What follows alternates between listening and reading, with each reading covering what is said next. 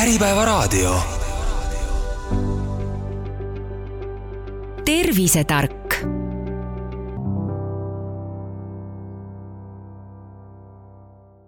tere päevast, eetris on Virtuaalkliiniku erisaade, mina olen Tuuli Seinberg ja tänases saates me räägime pneumokokist, üldse perekond kokkidest ja siis nende poolt põhjustatavatest haigustest ja nende ennetamisest ning minu külaline on doktor Pillerin Soodla, Tartu Ülikooli Kliinikumi infektsioonhaiguste arst, õppejõud. tere, Pillerin!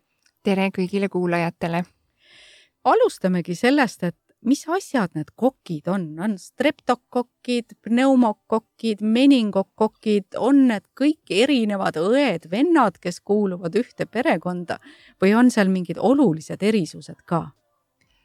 tõepoolest, nimesid on palju ja tegelikult on ka ühel heal lapsel ju palju nimesid. me oleme ümbritsetud nii keskkonnas, meie naha peal, meie soolestikus, meie suus, kõikvõimalikest erinevatest bakteritest, viirustest ja seentest. see on kõik selline mikroobimaailm, mida me silmaga ei näe, aga mida me mikroskoobi all näeksime. ja ühed bakteritest, kes elavad meie nahal eh, ja ka meie suus ja hingamisteedes, ongi streptokokid. Nad on saanud oma nime tegelikult oma omaduste järgi, et missugune võib nende pind olla või missugused on nende omadused haigusi esile kutsuda. ja selle järgi me teame, et nad on streptokokid ja neid on hästi palju erinevaid ja võib-olla oluline on ainult teada, et see jagamine bakteritele, nimede andmine ja nende perekondadesse ja klassidesse panemine on inimese poolt selline meelevaldne tegevus, et me kuidagi suudaksime neid omavahel eristada aga ma arvan, et bakterimaailmas nad ise ei tea, et nad moodustavad perekondi ja sugukondi võib-olla, et, et siis nad on ühed bakterid, kes elavad meie hingamisteedes. aga kas see tähendab siis seda, et pneumokokk ongi tegelikult streptokokk?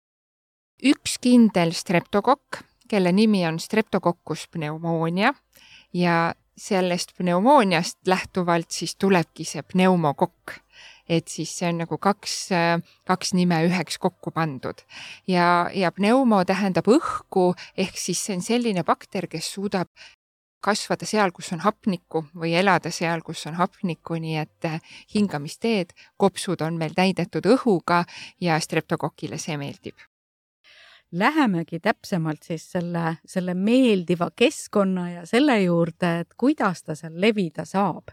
et äh, nendest haigustest rääkides, siis ma sain aru, et äh, see keskkond on see, kus nad loomulikult ka mõnikord elutsevad, eks ole. aga miks on niimoodi, et mõnikord ta hakkab seal vohama ja miks on nii, et mõnikord võib siis mingi võõras pneumokokk pahandust tulla tegema mm? -hmm me peamegi eristama kahte erinevat seisundit. nagu ma juba alguses ütlesin, on ju meie nahapinnal ja meie soolestikus on hästi palju baktereid ja viirusi. Need kuuluvad nii-öelda meie mikrobiotasse ehk see on meie loomulik kooslus bakteritest, kellega me koos elame. Nende eesmärk on äh, on meid abistada, kui nii võib öelda, et nad osalevad seedeprotsessis ja nad kaitsevad meie nahka siis äh, haigust tekitavate bakterite eest.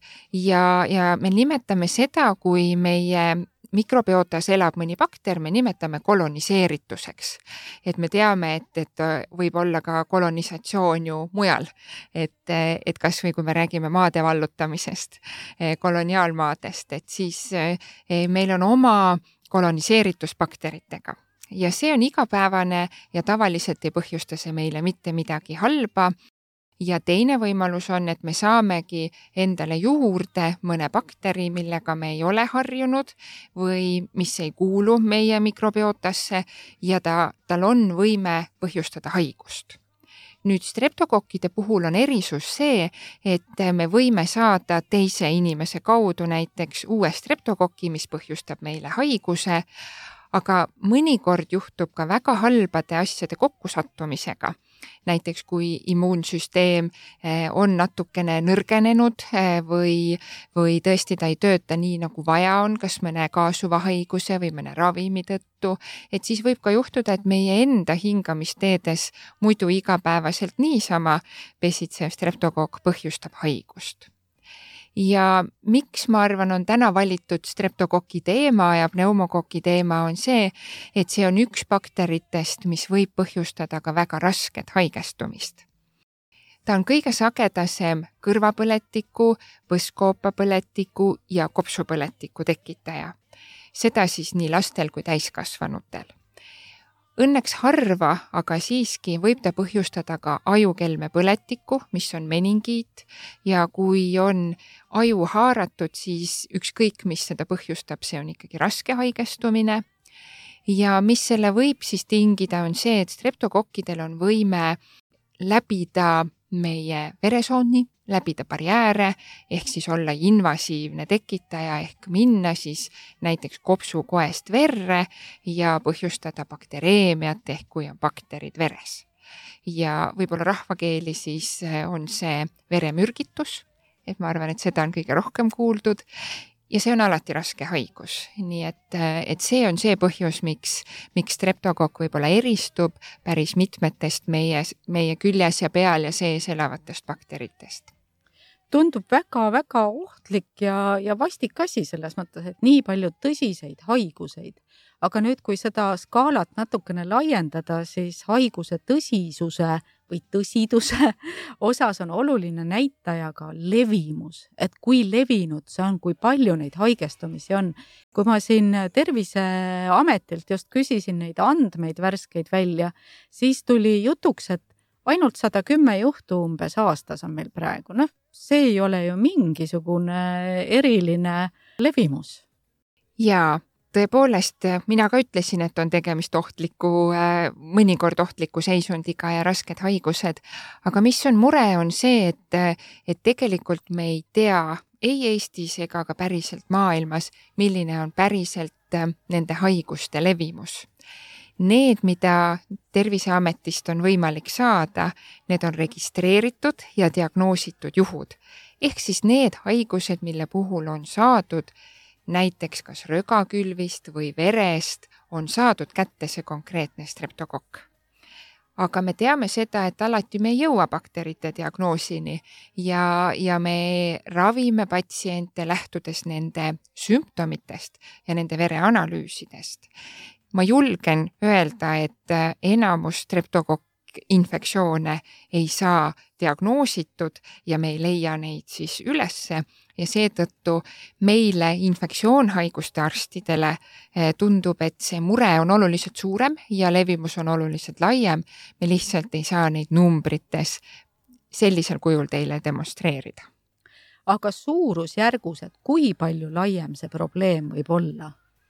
Üldiselt ei taha ma ennustustega tegeleda, et, et võib-olla kohvipaks ütleks ka paremini kui minu kõhutunne, et, et, et aga, aga võib-olla see ei ole sadades, vaid ikkagi on tuhandetes mm. -hmm.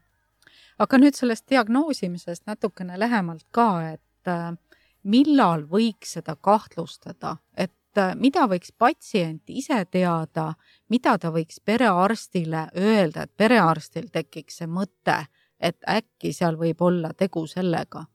meil on mitu võimalust, kõige sagedasem võib-olla kopsupõletiku tekke ja, ja eriti praegusel ajal, kus meil ju ongi viiruste hooaeg algamas ja Covid on eh, oluliselt pead tõstnud, siis kõige sagedasem võimalus streptokokil kopsupõletikku põhjustada on see, kui viirused on juba hea tee ette teinud et meil on mõni hingamisteede viirusinfektsioon, mille järgselt võib ka tekkida tüsistusena siis bakteritest põhjustatud kopsupõletik.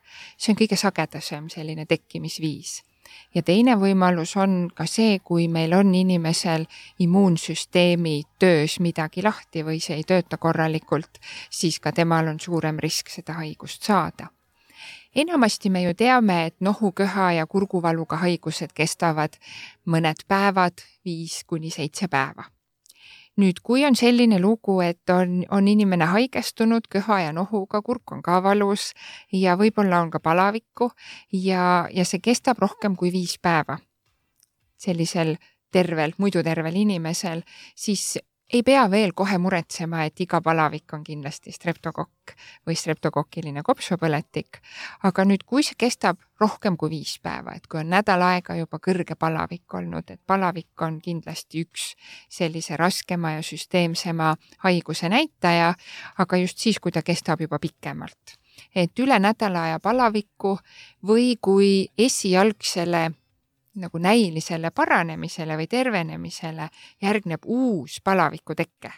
ja, ja enamasti ikkagi bakteritest põhjustatud infektsioonid on raskemad ja võib-olla on palavik halvemini talutav, et, et eriti tähtis on see laste puhul ja ka eakate inimeste puhul, et kui kaob ära jõud ja, ja inimesed ja lapsed ei suuda enam näiteks voodist välja tulla, nad tahaksid ainult pikutada, ainult magada. Eh, kui eh, siis see palaviku kestus on üks osa, aga kui vedelikupuuduse ilmingud on, et kui lapsed pissivad vähem ja samamoodi ju ka täiskasvanute puhul, et, et kui on eh, vedelikku vähem välja tulemas, siis võib-olla ka on selle puudus ja söögiisu langus ja üldse selline kogu üldseisundit haarav või näiteks on siis uue palavikuga tekkinud tugev köha ja rindkeres on valu köhimisel või kui tekib oluline rögaeritus ja see röga on selline mädane, kollane näiteks või roheline, et, et siis võib-olla tasuks kahtlustada.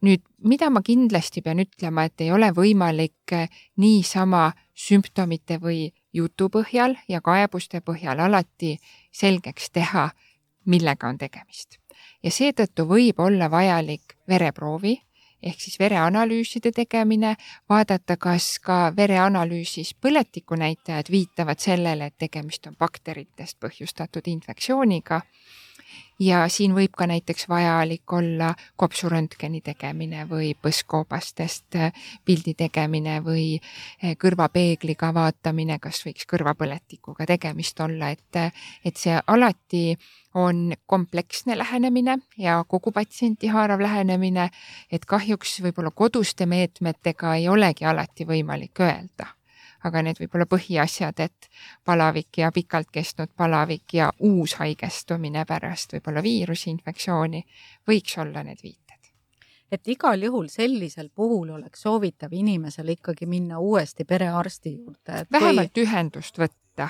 et, et eks siis juba meedikud otsustavad, kas see on vajalik visiit ja, ja vereanalüüsid ja muud uuringud, et, et niimoodi ta võiks minna räägime natukene veel lähemalt ka nendest riskirühmadest, et te mainisite juba, et siin väikelapsed, eakad ja immuunpuudulikkusega inimesed on need, kellele see on eriti ohtlik.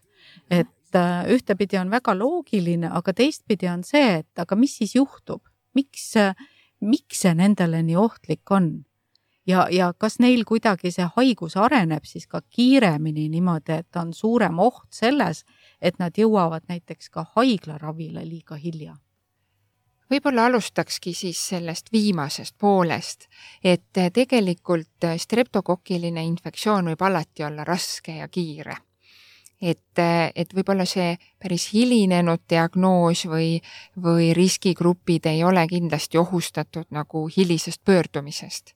aga me peaksime olema ka meditsiinisüsteemis rohkem valmis selliste patsientide tähelepanelikumaks uurimiseks. kes on riskigrupis? riskigrupis väga paljudele haigustele on lapsed ja väikelapsed just selle tõttu, et nad ei ole varem kokku puutunud kõikide haigustekitajatega ja alati esmakordsed kohtumised on võib-olla tõsisemate tagajärgedega. nagu te teate, kui te kohtute uue inimesega, siis tema esmamulje on alati uhkem kui kõik teised muljed eh, edaspidi, sest me oleme juba natukene harjunud. piltlikult öeldes toimub meil ka niimoodi haigustekitajatega, et meie immuunsüsteem alles õpib neid tundma ja, ja siis kujundab oma arvamuse ehk siis kaitse edaspidiseks kohtumisteks. et siis lapsed on selle tõttu ohustatud, et eh, see on nende jaoks võib-olla esmakordne kokkupuude bakteriga ja see võib põhjustada neile raskemat haigust. et nende immuunsüsteem ei ole veel treenitud. ja teistpidi, mida vanemaks inimene saab ja mida rohkem on tal kaasuvaid ja raskeid haigusi või ravimeid, siis tekib sarnane olukord, et meie immuunsüsteem enam ei mäleta seda bakterit nii hästi ja, ja, ja kuna ma juba nimetasin, et streptokokil on omadus, et ta oma selliste pinnal olevate molekulide ja ainetega on võimeline kudesid äh, nakatama ja ka ütleme, meie barjääre läbima, et siis sealt tulebki see tema risk põhjustada rasket haigust ja immuunpuudulikkusega inimesed ja näiteks need ka, kes saavad mingit supressioonravi mingi teise raske haiguse puhul, et kuidas nendega on, kas nendel on täpselt seesama mehhanism? jaa, et see on üsna võrdsustatav. Ja, ja just nimelt meie praegune meditsiini edulugu ja meie revolutsioon, et me suudame väga paljusid haigusi ravida tänasel päeval. Ja meie inimesed elavad raskete haigustega kauem ja, ja me suudame ka erinevaid organeid siirata, et meditsiin on ju teinud suure revolutsiooni läbi. aga see tähendab ka, et nende immuunsüsteem on selle läbi kannatanud ja see on üks põhjus, miks infektsioonhaigused ei saa kunagi maailmast otsa, et meditsiin toodab meile ka vastuvõtlikke inimesi. ma arvan, et me võiksime võib-olla ka lahti selgitada, mida tähendab immuunpuudulikkus. Et, et väga palju olen ma kuulnud seda, et mul on hästi palju haigusi. ma olen immuunpuudulik. tegelikult ei pruugi see päris nii olla, et, et kui on inimene, kellel on väga palju kaasuvaid haigusi, kui me räägime südamehaigustest, räägime diabeedist, suhkruhaigusest ja, ja võib-olla me räägime ka neeruhaigustest, kroonilistest kopsuhaigustest krooniline obstruktiivne kopsuhaigus, mis on väga sagedased, siis äh, need patsiendid ongi, nende immuunsüsteem on ka juba varem ette kas palju tööd teinud või, või need ravimid, mida kasutatakse, muudavad nad äh, vastuvõtlikemaks. ja see võibki põhjus olla, miks me nimetame neid riskigrupis olemaks kõige klassikalisemal kujul immuunpuudulikkus tähendab seda, et inimesel ei ole immuunsüsteemi rakke ja need on seotud äh, siis kas kaasasündinud muutustega või näiteks, kui on tegemist verehaigustega, leukeemia, verevähk, lümfoom, mis on lümfiteede ja lümfirakkude vähk, et nendel patsientidel tõepoolest siis juba sellest haigusest tingituna immuunsüsteem ei tööta üldse nii, nagu me tervel inimesel eeldaksime ja võib ka siis olla kaasasündinud rikkeid, kus mingisuguseid rakke ei tekigi inimesel, mis meid aitavad ja seetõttu on oluline siis äh, teada, et immuunpuudulikkus on ikkagi väga harv selles mõttes, et need on kindlad diagnoosid. aga riskigrupis võib meil olla hoopiski rohkem inimesi aga räägime natukene lahti ka need riskirühmad ja selle, miks on oluline inimesel ja ka perearstil teada, kas ta kuulub riskirühma või mitte. võtame kõigepealt lapsed, kes laste seast on riskirühmas? üldiselt, mida väiksem laps, seda suurema riskiga ta on, just selle tõttu, mis me enne rääkisime, et nende immuunsüsteem ei ole veel saanud harjutada erinevate haigustekitajate peal ja ei ole kujunenud välja siis sellist head kaitsemehhanismi. et lapsed, mida väiksemad nad on, seda suurem on risk.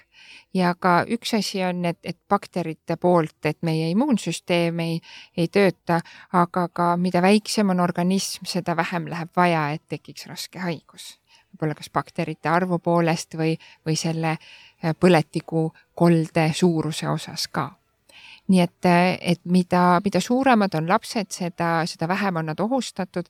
kõige raskemini kindlasti alla kaheaastased lapsed, aga ka tegelikult ma ütleks kõik koolieelikud, et, et kuni sinnamaani on lapsed ohustatud rohkem kõikidel haigustel on need riskirühmad vanuseti ka natukene erinevad, et tihtipeale on vaktsiinide puhul riskirühm algab ühest vanusest, haiguse puhul algab teisest vanusest.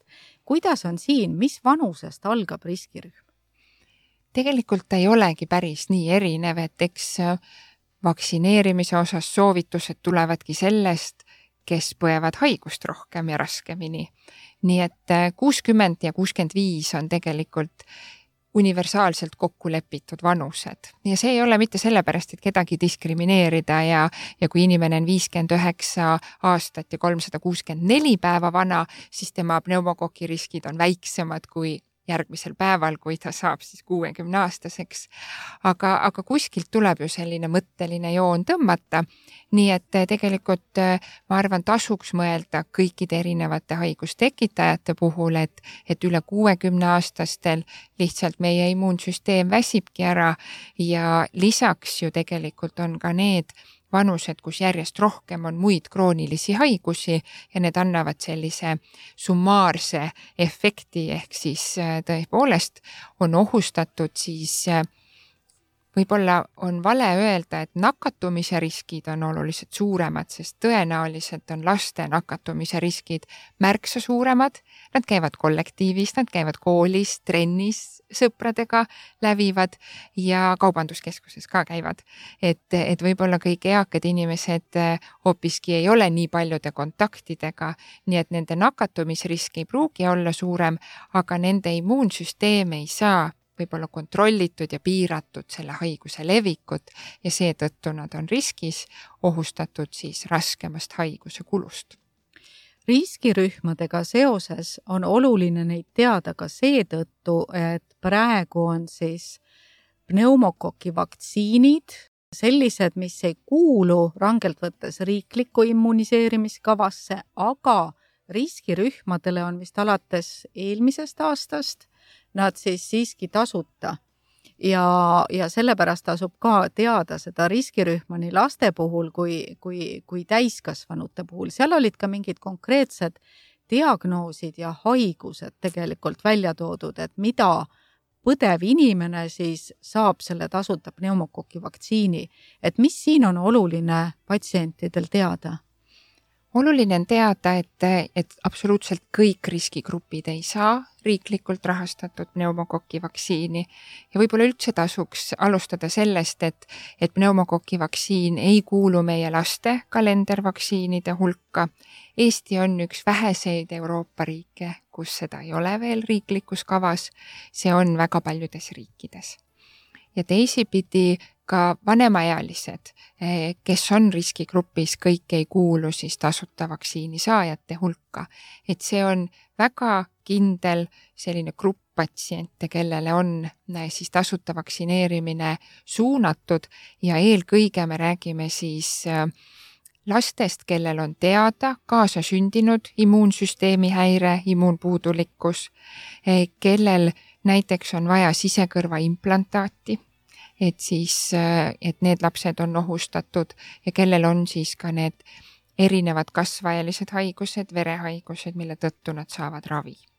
ja ka täiskasvanutel ongi siis hematoloogilised ehk verehaigustega patsiendid, eh, kellel siis on väga suur risk raskeks haiguseks, et nendele on siis näidustatud eh, tasuta vaktsineerimine. ja võib-olla üks väga suur hulk patsiente võib-olla nad ei olegi enam patsiendid tegelikult, vaid nad on inimesed, kes meie ümber äh, ringi käivad ja liiguvad, on äh, need inimesed, kellel on ükskõik mis põhjusel kunagi põrn eemaldatud. seda võib kõige sagedamini juhtuda traumade ja õnnetuste tagajärjel põrn on selline õrn ja kohev organ, millest tekib väga kergesti veritsus, et äh, väga sageli avariide või, või tõesti traumade tulemusena võib olla põrn eemaldatud, aga põrn on väga oluline organ meie immuunsüsteemi jaoks. ja seal just nimelt toodetakse neid rakke, mis kaitsevad meid konkreetsete selliste nagu äh, ümbrisega bakterite või kihnuga äh, bakterite eest ja sinna hulka kuulub siis ka seesama streptokokk, pneumokokk. Et, et need patsiendid siis on need, kellele on näidustatud vaktsineerimine tasuta siis riigi kulul ja ka need patsiendid, kellel on aktiivne kasvaja, kes saavad keemiaravi, et nendele on ka siis tegelikult see soovitatud. Ja ka hormoonravi saavad patsiendid. Need ei ole siis suguhormoon asendusravi näiteks saavad patsiendid, aga need, kellel siis surutaksegi ravimitega eh, siis mõnda põhihaigust alla. kõige sagedamini võib-olla me kõik teame kedagi, kellel on reumatoidartriiti või, või mõni selline autoimmuunne haigus. Neid ravimeid on erinevaid, et siis äh, ma arvan, inimesed võib-olla ise ei suudagi siin selekteerida, need on tõesti diagnoosikoodide alusel välja toodud, aga, aga võib-olla mõelda, et, et kui mul on verehaigus, kui on põrn ära võetud äh, või ma saan mingisugust ravi mis on teada immuunsust pärssiv, et siis tasuks uurida, äh, kuidas see on mida ma veel rõhutan, on see, et, et üks osa ja väike osa on need, kellel siis on tulnud riik appi ja, ja tasustab siis seda vaktsineerimist, aga riskigrupp on ju laiem. et tegelikult kõik üle kuuekümne, kuuekümne viie aastased võiksid saada pneumokoki vaktsiini ja kõik need patsiendid, kellel on krooniline kopsuhaigus, südamehaigus, diabeet ja kõik need autoimmuunsed protsessid. sellepärast, et, et neil on oht, et immuunsüsteem ei saa hakkama selle haiguse leviku piiramisega ja võib tekkida raskem haigus. aga teistpidi ja ma arvan, mida räägitakse väga vähe ja mis on väga oluline punkt ka vaktsineerimise soovituse andmistel, on see, et igasugune äge infektsioon ükskõik, kas me räägime gripist, Covidist, kõhulahtisusega haigusest ka mõnikord ja siis ka sellest samast streptokokist. et, et iga infektsioon võib põhjustada põhihaiguse ägenemise. et mitte nii, et, et nüüd on ainult see streptokokk kõiges süüdi, aga võib ka juhtuda nii, et veresuhkrud lähevad infektsiooni tõttu täiesti kontrolli alt välja. südamepuudulikkus süveneb, et on raske hingata ja ei saa selili magada näiteks, et, et tekib selline õhupuuduse tunne. et see on väga oluline pool, mille tõttu tegelikult ongi näidustatud see, et me hoiaks inimesed võimalikult tervena, et nende põhihaigus ei läheks kontrolli alt välja vaktsineerimise puhul on ka hästi oluline see nüanss, et me oleme siin pandeemia ajal tegelikult päris mugavaks muutunud. Ja me ootaksime nagu seda, et riik või keegi meile kogu aeg meelde tuletab, et kuule, nüüd äh, võiksid teha selle vaktsiini või tolle vaktsiini, aga nagu me enne arutasime, et praegu riskirühmad ei tea sedagi, et nad võiks teha tegelikult Covid-19 vaktsiini tõhustusdoosi jällegi uuesti. mis siis pneumokokist rääkimata et äh, kuidas sellega on, kas perearst annab teada patsiendile või on see ikkagi enda vastutus, et ma tean, et mul on see oht, kas siis nende diagnoosikoodide tõttu või lihtsalt mingisuguste kaasuvate haiguste või vanuselise riski tõttu ja ma siis ise aktiivselt otsin selle võimaluse. mis pidi see käib? mul on väga raske ühe lausega või lühidalt vastata tegelikult on see meie kõigi vastutus, võib-olla on kõige õigem nii öelda. see on äh, eriarstide vastutus ehk need erialad, kes tegelevad nende patsientidega, kes kuuluvad olulisse riskigruppi. et ka eriarst peaks soovitama vaktsineerimist. siis meie infektsioonhaiguste eriala, sellepärast ma täna siin olengi, et natukene seda teadlikkust ja, ja informatsiooni jagada ja ka perearst, kellel on väga palju riskigrupi patsiente, ta kindlasti ei tea oma kahe tuhande patsiendi kõiki nüansse, aga meil on ju üldised sellised äh, markerid, mille alusel võiks tegelikult selle peale mõelda. ja ka patsient siis ise, kes tunneb, et tema nüüd on selles riskigrupis saab aktiivselt seda uurida. saab uurida kas oma perearstilt, oma eriarstilt või nakkuskabinettidest, et, et see on küll selline üleskutse, et vaevalt, et riik jõuab igaüheni ja, ja kui me täna räägime streptokokist, siis on väga oluline ka ju, juba natukene on meil siit teemast läbi käinud, et kui me suudaksime ära hoida viirusinfektsioonide tekke siis ka selle võrra me vähendame streptokokilise infektsiooni riski. Ja see tähendabki seda, et eh, meil on riskigrupi patsiendid vaktsineeritud Covid-19 osas ja gripi vastu. Need on kaks haigust, mille osas meil on vaktsiin olemas ja mis on ka kõige raskema kuluga kaks viirusinfektsiooni, mis hingamisteedes levivad. ja seeläbi me juba vähendaksime streptokoki riski ja on siis see järgmine võimalus veel ka bakteri enda vastu siis see vaktsineerimine suunata. nii et nii ta võiks olla aga kust alustada, et kas perearst saab vaktsineerida ka pneumokoki vastu? perearst saab vaktsineerida pneumokoki vastu, jah. siin tuleb nüüd aga.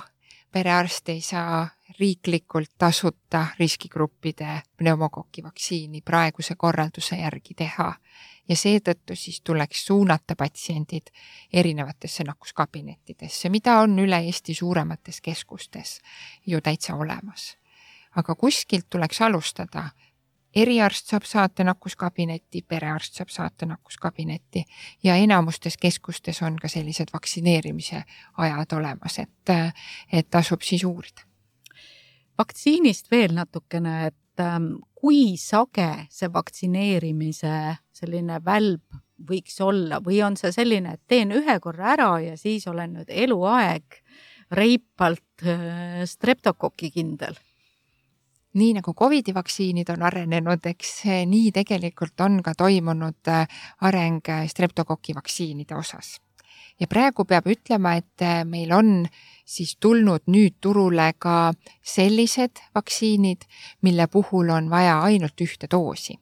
praegu ma räägin täiskasvanutest et, et meil kõige uuemad streptokoki vaktsiinid on sellised, kus piisabki ühest doosist ja see annab siis äh, üsna paljude erinevate streptokoki tüüpide äh, vastu kaitse varasemalt kasutusel olevad äh, vaktsiinid olid sellised, kus kõigepealt tehti ühte tüüpi vaktsiin ja siis aasta pärast või minimaalselt kahe kuu pärast laiendati seda teist tüüpi vaktsiiniga. ja laste soovitused on nüüd eriti keerulised, see oleneb lapse vanusest mida noorem on laps, seda rohkem vaktsiinidoose soovitatakse. just selle tõttu, et immuunsüsteem siis jõuaks oma kaitse välja arendada. aga seda siis tasubki uurida, et, et kellele missugune skeem on soovitatud räägime natukene veel sellest ähm, raskest haigestumisest ka, et miks siis vaktsineerida, et meil käis jutust läbi siin see, et äh, vanemaealistel ta võib põhjustada raskeid kopsupõletikke, mis viivad inimesed haiglasse ja mis pahatihti võivad lõppeda siiski surmaga. olgu selle haiguse algusteekond ükstapuha, kas koroona, gripp või, või mis iganes muu asi. et äh, kui tõhus on see vaktsineerimine nüüd selle, selle tõeliselt raske haigestumise ennetamisel? Mul ei ole teile numbrit anda ja väga lihtsal põhjusel, sest äh, kui me vaatame konkreetselt äh, streptokoki diagnoose, et kui me vaatame streptokokus pneumoonia, rögas ja selle poolt siis ütleme, tema poolt põhjustatud kopsupõletik, siis vaktsiin annab väga hea kaitse kõikide nende tüvede vastu, mis selles vaktsiinis on. ja kindlasti ka natukene katab ära kõik need, mida ei ole seal vaktsiinis. streptokokke on hästi palju erinevaid serotüüpe. aga peamised, mis põhjustavad rasket haigust, on meile teada mis on positiivne pool, et Eestis ei ole, nagu ma ütlesin, streptokoki vaktsiin kalendris ja seetõttu meil levivad just nimelt sellised streptokoki tüübid ja tüved, mis on enamasti vaktsiinis kaetud. nii et meil oleks Eestis väga suurt kasu saada praegu kindlasti. nüüd, et mis need haigused ja efektiivsus veel on, et, et üldiselt me saame vaadata kogu populatsiooni äh, kopsupõletiku haigestumist või me saame vaadata ka kõiki hingamisteede infektsioone ja, ja vaadata, et siis milline see vaktsiini efektiivsus on. ta kindlasti jääb seitsmekümne protsendi ja rohkem juurde, aga ma rõhutan, see sõltub kellest me seda hakkame hindama. ja nagu ma enne rääkisin, siis enamus streptokoki infektsioone jääb ju diagnoosimata. See tähendab, et vaktsiini efektiivsust siis ka on ju raskem hinnata selle läbi. nii et aga, aga põhipunkt siin ikkagi on, et bakteriaalsed haigused, bakterite poolt põhjustatud infektsioonid võivad olla raske kuluga. Nad võivad põhjustada haiglasse sattumist ja enamasti nad vajavad antibiootikumravi, et neid ravida. Ja, ja seetõttu siis tõesti mingist hetkest ei suuda me enam infektsiooni tagasi pöörata, ükskõik kui hea antibiootikumraviga või ka kui hea meditsiiniabiga. nii et, et see on põhjus, miks me tegelikult sooviksime üldse ennetada äh, selliseid haigestumisi juba läks natukene jutt ravi peale, räägime sellest veel natukene lähemalt. nagu te ütlesite, et väga palju juhte jääb diagnoosimata. mul tekib küsimus, et kas sellisel juhul neid juhte ravitakse adekvaatselt ja õigesti üldse? ka see on raske küsimus. Eh, siin on kindlasti vastuseks jah ja ei. et, eh, et meil jäävad nad, eh, ma pigem mõtlesin diagnoosimata bakteri nime kättesaamise osas, et me ei ole leidnud infektsioonikoldest üles sedasama streptokokki. aga me saame inimese kaebuste, sümptomite, vereanalüüside ja röntgeni alusel ju diagnoosida näiteks kopsupõletikku ja see vajab siis antibiootikumravi Eestis kehtivad soovitused antibiootikumraviks, mida järgivad nii haiglad kui siis esmatasand, on võtnud arvesse selle, et meil on ka streptokokk see, mis põhjustab kopsupõletikku.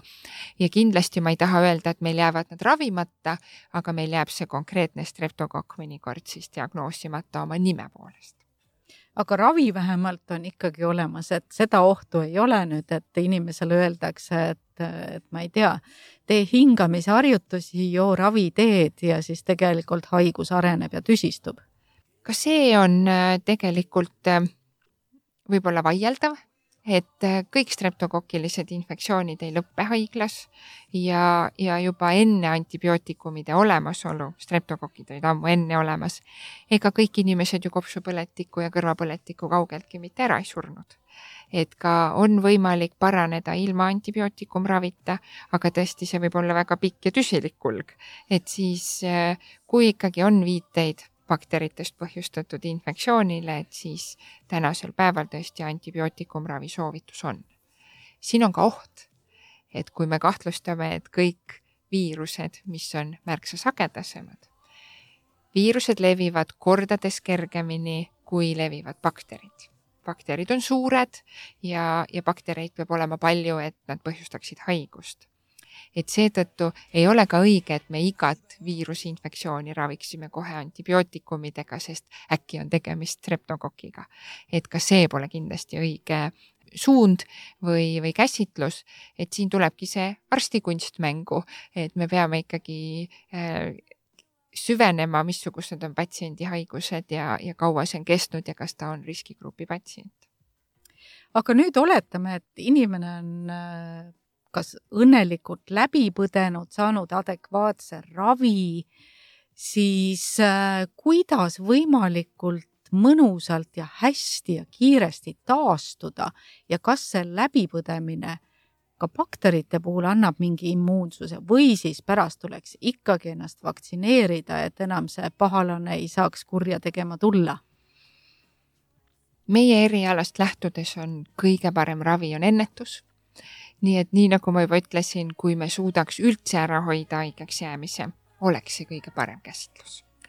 nüüd, kui inimene on streptokokki infektsiooni põdenud, siis ta on põdenud ühte konkreetset, näiteks streptokokkus pneumoonia kopsupõletikku ja siis tal jääb vähemalt kakskümmend tükki veel, mida ta võib põdeda nii et soovitus ka haiguse põdemise järgselt vaktsineerida on täitsa olemas, sellepärast et need ei ole ainult üks streptokokk nüüd, kuidas paremini taastuda, et kas kõik rahvameditsiini soovitused, kas kõik apteekri poolt antavad soovitused on pädevad, siis nende kõikide soovituste tõenduspõhisus on äh, kaheldav selles mõttes, et me leiame uuringuid, mis ütlevad, et kõik aitab ja me ütleme uuringuid, mis ütlevad, et need konkreetsed meetmed üldse ei aita kui me räägime küüslaugu söömisest või me räägime probiootikumide võtmisest pärast antibiootikumravi kuuri. et äh, siin on hästi palju vastakat informatsiooni.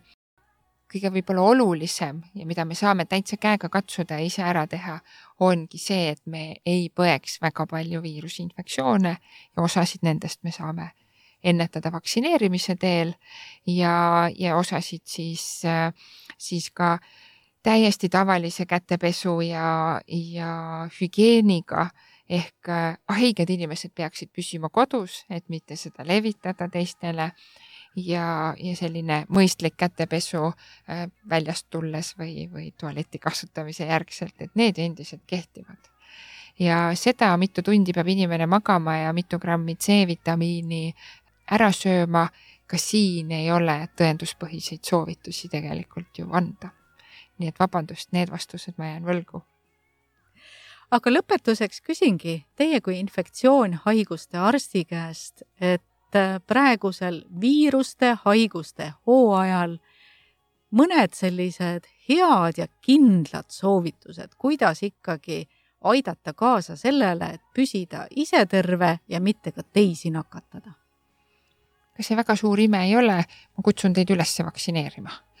ja tõepoolest kõik ei vaja vaktsineerimisi et äh, praegusel hetkel äh, võib-olla sellised noored, täiesti terved inimesed ei olegi ohustatud enam raskest Covid-19 infektsioonist. aga seda on kõikide nende noorte inimeste vanemad ja vanavanemad. nii et ma kutsun üles, palun soovitage oma vanaemadele ja vanaisadele ja oma eakatele tuttavatele, sõpradele, sugulastele, et neid on võimalik võimalikult hästi kaitsta. see võiks olla personaliseeritud et seda tulekski kaaluda, kellele, mida, millal, et, et siis tulekski lihtsalt pöörduda ja selles osas nõu ja abi küsida. nii et, et see ei pruugi ollagi tõesti massvaktsineerimine, mida ma praegu siin propageerin, aga, aga meil on teatud grupp inimesi, kes võivad haigusi raskemini põdeda ja nende puhul siis küll vaktsineerimine suur aitäh saatesse tulemast, doktor Pillerin Soodla, suur aitäh kuulamast ja järgime siis neid soovitusi ja katsume terved püsida ja oma lähedasi tervena hoida. aitäh! olge tublid!